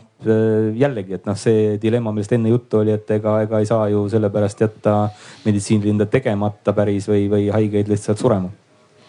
kuidas PPA seisukohast on, et äh, minu, mulle isiklikult jah, selline, see hangete temaatika on väga hingelähedane, sest et äh, ütleme, selline avalik sektor üldisemas plaanis ju tegelikult äh, kõige kiiremini ja kõige lihtsamini saab sellist keskkonnamõju, mõju vähendada läbi enda tarbimise, ostmise harjumuste muutmise. me oleme siin juba viisteist aastat üritanud erinevate ministeeriumidega koostöös seda arendada, aga kahjuks ta on praegu jah, keskkonnaministeeriumi, rahandusministeeriumi vahel, sinna ta on kukkunud et kuidas see tunnetus on, et kas on tekkinud ka neid äh, partnereid, äh, noh ettevõtteid, äh, kui, kui lihtne üleüldse, kas on tekkinud selliseid koostööpartnerid, kes tulevad ja pakuvad või on, kas seesama, eks ju, see politseiauto, et, et, et, et kas, kas te peate ise täpselt kõike nõudma või on ka näha, et tegelikult partnerite seas on see keskkonna teadmine, oskus ja pakkumine suurenenud, et, et tekib selline sünergia ja, ja saab koos seda teha mina siin kindlasti partnerit kiidan pigem, et, et erasektorit, et kui, kui me ja, ja näen võib-olla kõige suuremat puudujääki täna pigem targas küsijas, et, et minul väga raske on muuta mingit autoettevõtet ma ei tea, Silver autot või Vehot või mida iganes, et, et me, me pigem organisatsioonis saame nagu olla targad küsijad. ja selle targa küsija äh, taga peab olema tegelikult julgus, julgus mõelda teistmoodi, et mitte teha samamoodi, et Indrek Neivelt on kunagi öelnud äh, hästi tabavalt, et Eesti riigi majandusprobleemiks on, äh, on osati ka äh, riigihangete seadus. Seda saab kindlasti timmida, tuunida, aga, aga ma arvan, et tsiviilõiguses on ka see võimalus ikkagi, et et panna see tingimus, see keskkonnatingimus sisse, aga, aga me tuleme jälle tagasi selle umbes veerand tunni tagasi räägitu juurde, et et see oskus täna veel analüütiliselt mõelda, et kas see on, kas see masin on kiire ja, ja, ja kas sellega me saame inimelusid päästa ja kas inimelu päästmine väärib siis selle, selle soetuse, et, et see on veel kindlasti lapsekingades. no väga hea, me oleme nüüd öö käinud nii globaalselt kuni juba lausa detailsete ostuhangete teemadeni läbi. ma, Ivo ikkagi äh, kuna siin on ka kaitseministeeriumi inimesi ja me, see teema on meil nagu selline üldine julgeoleku teema, eks ju, me oleme väga PPA keskselt rääkinud, aga kuna sa ennem nagu ma küsisin, kas benchmark'ide võrrelda rahvusvahelisel tasandil. kuidas sa näed, et ma, mina olen juba oma kiidusõnad öelnud, et julgeolekusektor ja, ja kaitseministeerium, siseministeerium on selgelt minu arvates äh, riigis nii-öelda ministeeriumite tasanditel ja võib-olla näitavad isegi silmad ette keskkonnaministeeriumile nii-öelda sellise süsteemse plaanipärase keskkonna ja rohepöörde poole liikumisega. kas, kas kuidagi, kui, kui, kui, kui ma sinu käest küsin, et kui nüüd võrrelda ja õppida kahe julgeolekuga tegeleva ministeeriumi vahel, kas siin on ka mingisuguseid erisusi, et mida sa tahaksid välja tuua? noh oih, neid erisusi on äh, loomulikult väga palju, sellepärast et äh, see, mida need äh, ministeeriumid tegema peavad, on tegelikult, kuigi see lõppeesmärk, eks ole, inimeste julgeoleku, turvalisuse kaitsmine on üks, siis see, kuidas nad seda teevad, on, on väga erinev ja loomulikult mõlemal on äh, eesmärk on üks, et teha seda paremini, aga et ütleme, et see vastuolu nähtavasti äh, kaitsevaldkonnas on, on äh, võib-olla veelgi suurem. mida tähendab tugevam või parem riigikaitse, eks ole, see tähendab suuremaid kaliibreid ja, ja rohkem soomust ja rataste asemel mõnikord ka roomikuid, mis, mis kõik, eks ole, mm, saastab ja kui me nüüd teiste riikidega võrdleme, eks ole, et siis eh, kuna Eestil ei ole väga suurt laevastikku ja, ja väga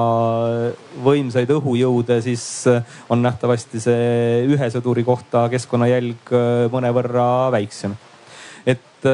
milles kindlasti saab tuua mm, kaitseministeeriumit positiivselt eeskujuks siseministeeriumile on see, et neil on juba olemas oma keskkonnastrateegia ja see, et need teemad on, on äh, läbimõeldud teisest küljest jälle, et äh, võib siseministeeriumi haldusalas tuua PPA-d välja kui rohetiigri rakendamisega. et ähm, kuigi nagu peadirektor ka ütles, et kuigi see on suhteliselt algusjärgus, siis ikkagi see algus on, on tehtud ja, ja kuhugi juba liigutakse aga noh, ma arvan, et ütleme, see, see ainuüksi see uurimine, kuna see seisab suurelt jaolt ka inimestega intervjuude tegemises, siis ma arvan, et mingil määral aitab seda mõtteviisi juurutada, sest väga võimalik, et paljud inimesed, kes noh, ma ei tea, tegelevad näiteks IT või, või logistikaga, et ei pea igapäevaselt mõtlema nendele teemadele muidu, aga siis tuleb need, need läbi mõelda. No või võib-olla üks vaade veel juurde, kui tohib, et, et tegelikult see loogika seisneb selles, et me kõik pingutame selle nimel, et sõda ei tuleks ja, ja, ja sisejulgeolek, kui sisejulgeolek fail ib, siis tuleb sõda ja kui tuleb sõda, siis on keskkonnasaaste väga suur, et kui mõtleme, miks Ukrainat neid oblasteid oli võimalik ära võtta väga lihtsalt, siis seal oli tohutu suur korruptsioon et äh, piirivalvurid olid korruptiivsed, kulik ühendus hakkas vedama toitu, sõjamoona kuni tankideni välja üle piiri, sest et see oli võimalik, et kuna, kuna piirivalvurid olid äraostetavad väga lihtsad, et. et mida ma tahan öelda, et, et kui me teeme väga tugevat ja head sisejulgeolekut, siis sõda ei tule ja siis ei, ei tule keskkonnasaastet ka väga hea, no nüüd juba äh, see maa ja ilm ehk siis ilm äh, ka kipub meile vist signaali andma, et vaikselt peaks otsad kokku tõmbama, aga ma siiski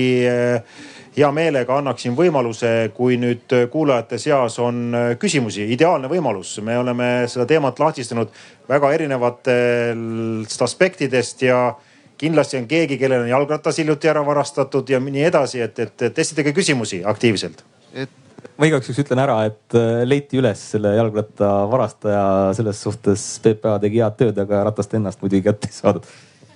saad kohtus käia mõnikord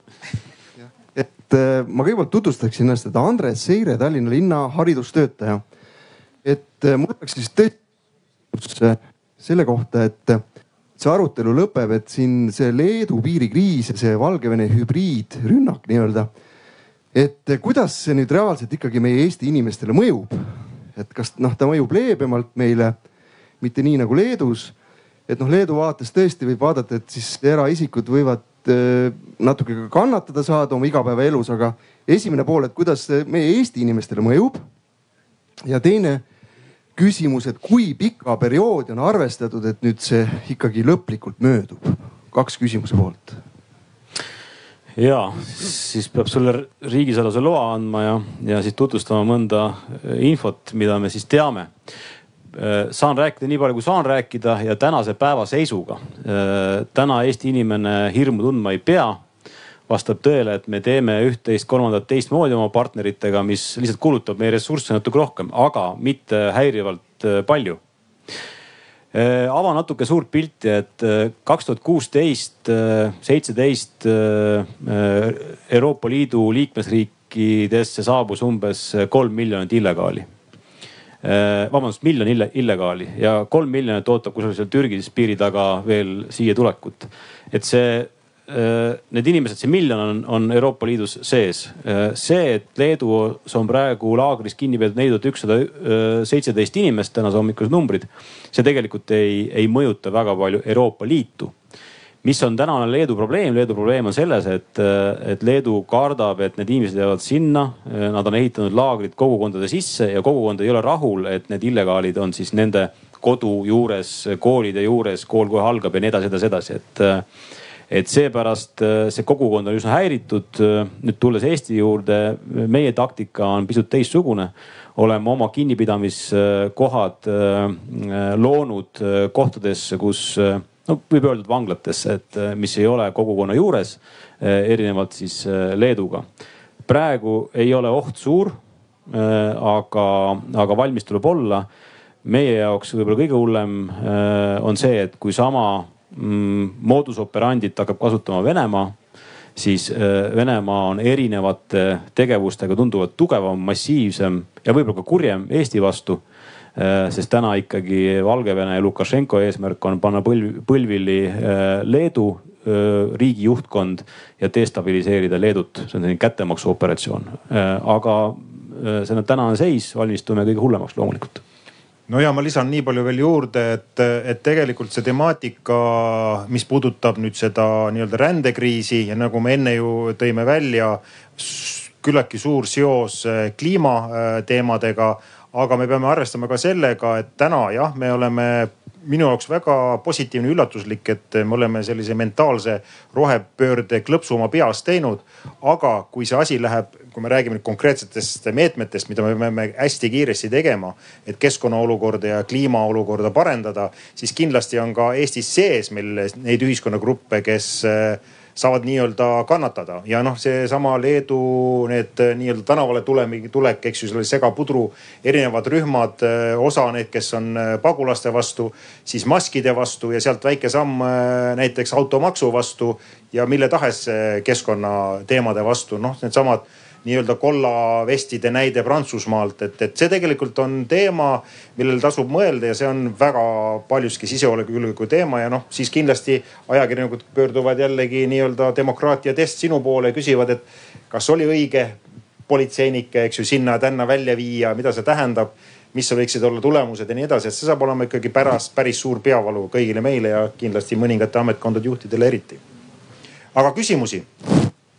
küsin sellise mõttekäigu kohta, mida ma hiljuti kuulsin Eesti julgeoleku ja metsanduse kohta. et on hästi palju ühiskonnas räägitud noh praegu toimuvatest ja mõningal määral isegi rohkem, rohkem kui varem toimuvatest lageraietest ja noh ilmselge on ju see, et need muudavad maastikku. ja, ja maastik on ka osa Eesti riigi julgeolekust, sest et see takistab inimestel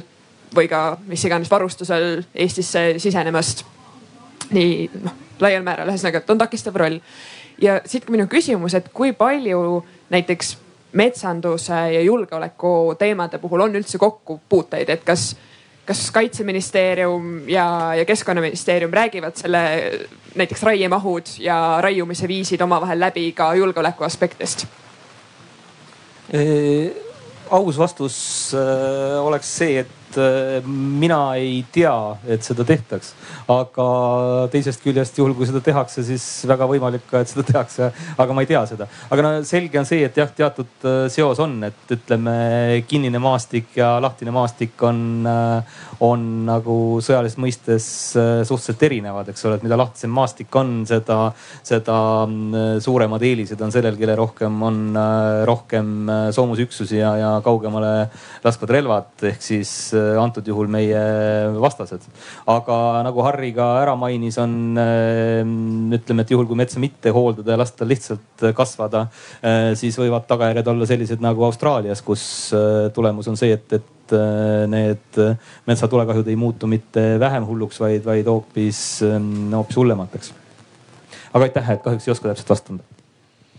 mina oskan paar sõna öelda võib-olla politsei valdkonna pealt, mitte suurt, ütleme tugevalt kaitsejulgeoleku osas, aga, aga meie jaoks metsaga seonduv on äh, olnud ajalooliselt äh, üsna suur, suur osa. et jällegi kasutades teid, teie teadmisi, siis küsida, et äh, millega üheksakümnendate aastate alguses äh, Eesti kurjategijad kõige rohkem äh, ebaseaduslikult tulu teenisid. Vastus seisneb, seal on kolm võimalust, üks nendest on mets, äh, salaalkohol, metall ja mets et see, et see nagu jõupingutus ka noore uurijana alustada üheksakümmend kuus äh, Tallinna linnas uurijana, siis tuli ka seal menetleda metsavargusi ja mitte selliseid, mis olid sellised natukene siit nurgast, vaid ikkagi massiliselt, et. Äh, ja võib-olla teine vaade, et ega me mõistame kõik, et äh, kui keskkonnas, kus on olnud mets ja, ja seda metsa ei ole, siis, siis loodus hakkab käituma teistmoodi. Võru näide, Võru äh, elektri alajaamalt lendas ära katus et tuleks võib-olla ka vaadata seda, seda vaatenurka, et miks ta nüüd ära lendas siis on ju, et, et, et on selge, et kui, kui takistused kaovad, tekivad tuulekoridorid äh, ja keskkond hakkab muutuma. miks ma isiklikult seda väga tõsiselt võtan, meie võimed kukkusid piiri valvamiselt maha sellepärast, et Võru linnas läks katus mingilt majalt maha, et tundub nagu naljakas, aga nii oli, et, et, et loomulikult ta, ta ääri-veeri ka meie asju mõjutab ja, ja Äh, ja Ivole täiendus, ega metsapõlengus äh, kopter lendab tunde tunde, et kõige efektiivsem kustutusviis on nad turbarabad, on nad metsapõlengud ja nii edasi, et, et taaskord oleme tagasi selle legendaarse kopteri juures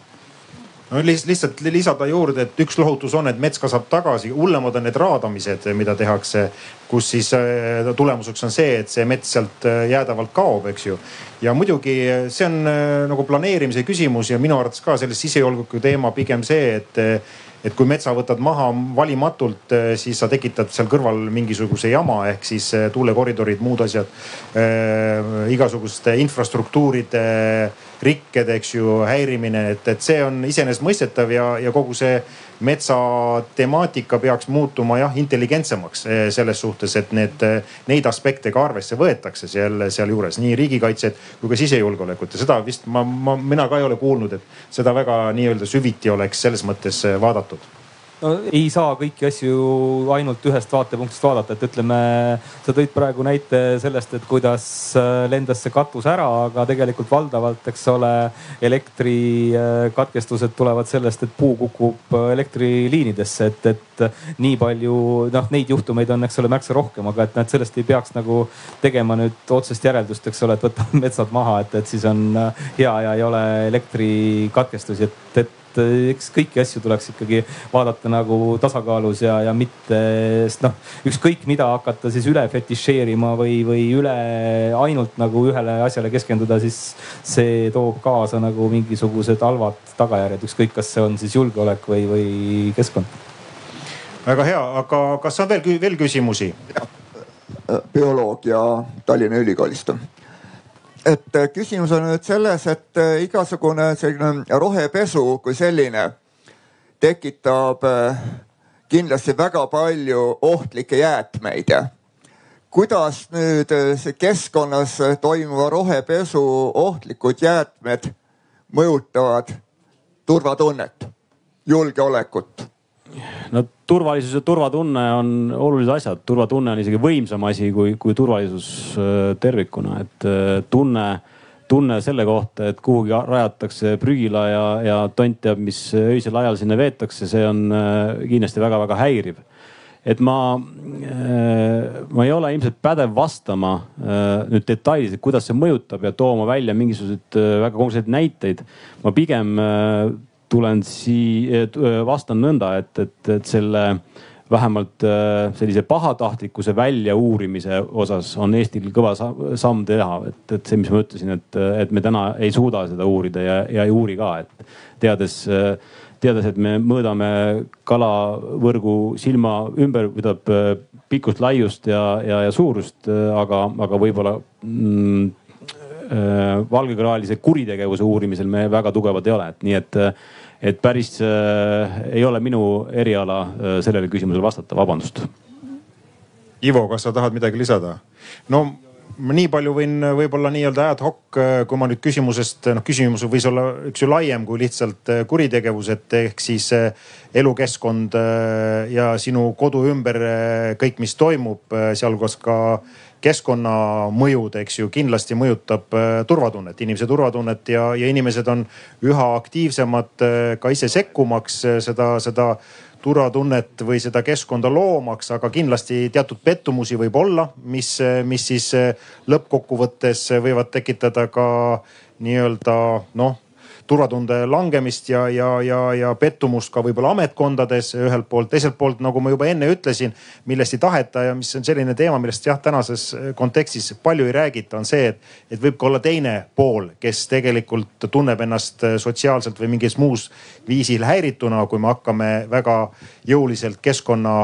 nii-öelda poliitikat rakendama ja noh, näiteks seesama Ida-Virumaa, eks ju. kuigi seal on ka väga konfliktne, seal on väga palju erinevaid inimesi, osa räägib, et töökaotus ja nii edasi. tulenevalt sellest, et, et põlevkivisektor pannakse kinni, et see on väga lai teema ja tõesti meie seas vist täna ühte sellist sihukest psühholoogi päris ei ole, aga Ivo, sa tahad veel lisada? lihtsalt mõned sõnad nagu, et ütleme, et siin ma kardan, et teadmised mõjutavad ka meid eh, päris palju ja, ja eh, tundele vaevalt, et palju kasuks tulevad. et äh, Tšernobõlis äh, me teame, eks ole, et kahekümne seitsmendal aprillil tuhat üheksasada kaheksakümmend kuus ehk siis üks päev pärast seda katastroofi lapsed mängisid õues, elu läks edasi, et, et juhul kui ei tea nagu sellest mitte midagi, mis sul kõrval toimub, siis võib nagu ennast petta ja väga kenasti elada, aga et ütleme, kuna meie keskkonnateadlikkus pidevalt suureneb, siis ma arvan, et nende ohtudega ollakse järjest rohkem kursis ja, ja see võib olla jah,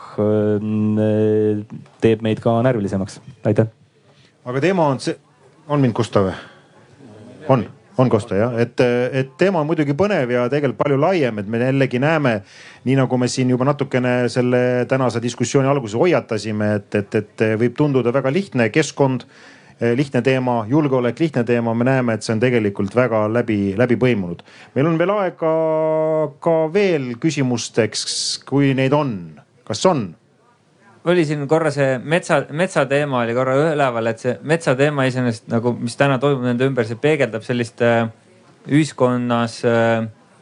ühiskonnas nagu muutust, kus on, äh, on tekkinud aina rohkem inimesi, kellele nagu keskkond ja kogukond on nagu olulisemad kui lühiajaline majanduslik kasu, et, äh, et kuidas nagu PPA-sel vaade on selles osas, kuidas nagu mingi noh, see on, mets on ainult üks, aga ka teised, teised teemad on üle, et kuidas selline, selline ühiskonna selline erinevate nagu vaadete, vaadete nagu võimendumine või ajas nagu kasvamine nüüd viie-kümne aasta mõttes, kuidas see võiks nagu sisejulgeolekut mõjutada või mis siin üldse, millele tähelepanu pöörate, millele te pöörate ja mõtlete? ja ma vastan võib-olla nii, et eh, jällegi kindlasti väga lai teema, aga, aga proovin jääda oma ampluaasse, et eh, mõnda aega tagasi ühe suure erakonna juht küsis mu käest kõrgemal riigikaitsekursustel, et, et peadirektor Elmar Vahel, kui palju on politseile raha juurde vaja? siis ma küsisin, et hästi, et kas lähiperspektiivis üks aasta või, või vaatame sellist kümmet-viiteist aastat. no et võtame selle pika perspektiivis. ma ütlesin, mitte ühtegi eurosenti ei ole vaja juurde, päriselt kõik need sajad miljonid ja kusagil ka mõttetult kulutatud raha võiks minna tegelikult lastesse. Ivo mainis siin tegelikult teadmist, et äh, kui, kui meie noored äh, ja lapsed ja, ja see tulevikugeneratsioon äh, oskab mõelda keskkonnasäästlikumalt, ka sellele metsale, mille sa mainisid ja edasi tagasi, et siis tegelikult siis me oleme palju, palju paremas seisus ja ja, ja ma kasutan siin ühe, ühe ka Tallinna Ülikooli professori poolt öeldud, tol hetkel ta veel politseis, ta oli meil Pärnu prefekt, Priit Suve on tema nimi ja ta ütles minu arust väga tabavalt, et suur kuritegevus on nõrga ühiskonna tagajärg. kui ühiskond on nõrk ja kõik need osapooled selles ühiskonnas, on nad siis, on nad siis pendeldajad, on nad siis puukallistajad, on nad, on nad ettevõtjad, on nad töösturid, rauatöösturid ja kui, kui nemad saavad omavahel läbi ja see kõik toimib nagu kooskõlas kokkuleppena, siis ühiskond on tugev ja selles ühiskonnas ei ole kuritegevust. et nii, et, et väga suur mõju ja, ja PPA loogika seisneb sellele, et, et kui ühiskond on tugev, siis, siis tegelikult on ka vähem kuritegevust. siin enne äh, hariduse valdkonnast äh, ka rääkides, et äh, miks ma ütlesin seda, seda, seda partei juhile või erakonna juhile, et, et kõik raha tuleb suunata lastesse, et siis teate, kui kurb on kuulda, kui eh, noh, rääkima sellest, mida ma iga päev näen, kuidas, kuidas meil on pedofiile sadu, ainult pane, pane nagu menetlus püsti ja tuleb nagu kalapüüki konks ja konks. aga mis see pedofiil teeb? pedofiil tegelikult rikub ära lapse elu. ta, ta tegelikult viib lapse sellisesse olukorda, kus ta psühholoogiliselt on katki. ja nüüd ma tulen taaskord selle organiseeritud kuritegevuse juurde organiseeritud kuritegevus otsib selle ühiskondlikult, ühiskonnas katki oleva lapse üles ja võtab enda juurde tööle. ta hakkab toime panema kuritegusid. ta ei lähe uurima öö, öö, riigi julgeoleku küsimusi, ta ei tule politseisse, ta ei, ei lähe Stockholmi õppejõuks, vaid ta läheb tegelikult pätimaailma tegema kuritegusid, nii et et toetame lapsi ja, ja, ja selle kaudu, selle teadlikkuse tõttu me saame metsad korda. Ja muidugi kohalik konstaabel on vist ka oluline tegija, et selles suhtes, eks see on see, mis, mis kogukonnas on oluline, et seda, see väike konflikt, nagu me ennem siin välja tõime, võib tekkida, eriti kui me hakkame nii-öelda ressursse, aga miks mitte siis ka keskkonna seisukohast kokku hoidma. Aga meil aeg tiksub, ühe lühikese küsimuse saaksime võtta, kui, kui on. kui ei ole, siis varsti hakkab niikuinii sadama, et me oleme just õige, õigesti siia ära mahutanud. aga, aga kogu sellise eelmise küsimusega lisaks ma võin öelda, et tegelikult äh, PPA-l on ju siis väga ideaalne võimalus rohepöörde osas kaasa lüüa. me näeme, et see on palju mitmekihilisem kui äh, kui võib-olla esialgu me arvasime ja, ja tegelikult miks on hea võimalus politsei on, äh, kuidas ta on nüüd siis sellises inimeste usaldus politsei vastu on vist üks kõrgemaid äh, ametkondasid, on nii? esikolme sees oleme jah. nii et selles suhtes see nagu me siin oleme ju natukene seal diskussiooni juures välja koorunud on, et see usaldus on ülioluline, eks ju, ja selle usalduse peale ehitada nüüd sellist äh, erinevate osapoolte koostööd ja, ja leppimist, noh natukene keskkonnateemadega ja miks mitte ka muude teemadega, migratsioon, muud teemad, eks see on natukene kõik need, mis kipuvad siin viimasel ajal on kippunud Eesti ühiskonda lõhestama. aga ma näen, et PPA-l ja julgeolekusektoril laiemalt on kindlasti hea võimalus seda, see liim olla ja, ja, ja see viimane küsimus mis me esitlesime, selle, tähendab selle esimene küsimus. ega vist ei ole mõtet äh, vist väga palju äh, nii-öelda mõelda, et, et, et, et kas siis keskkonnamõjude oht julgeolekule on reaalsus või kauge tulevik, eks ju noh, see on iseenesest selge, et see on juba tänane päev ja, ja, ja ma, ma selles suhtes arvan, et äh, ega siin muud midagi ei ole, kui samamoodi edasi minna. kui nüüd tahate midagi veel lõpetuseks öelda mõlemad, siis, siis see hea võimalus on. mis on teie nii-öelda viimane sõnum äh, tänase ürituse lõpu äh, kokkuvõtteks? mina jään ikka oma mantra juurde, et äh, täna arvame, homme teeme ära, et on ju, teeme, teeme ühiskondlik kokkulepe, et, et need mulle omased teemad, need on päriselt vaja, vaja nagu ära teha, et, et et arvata on ka hea, Arvamusfestival on selline mõtete kogumise koht minu jaoks, aga, aga homme tegudele mm. -hmm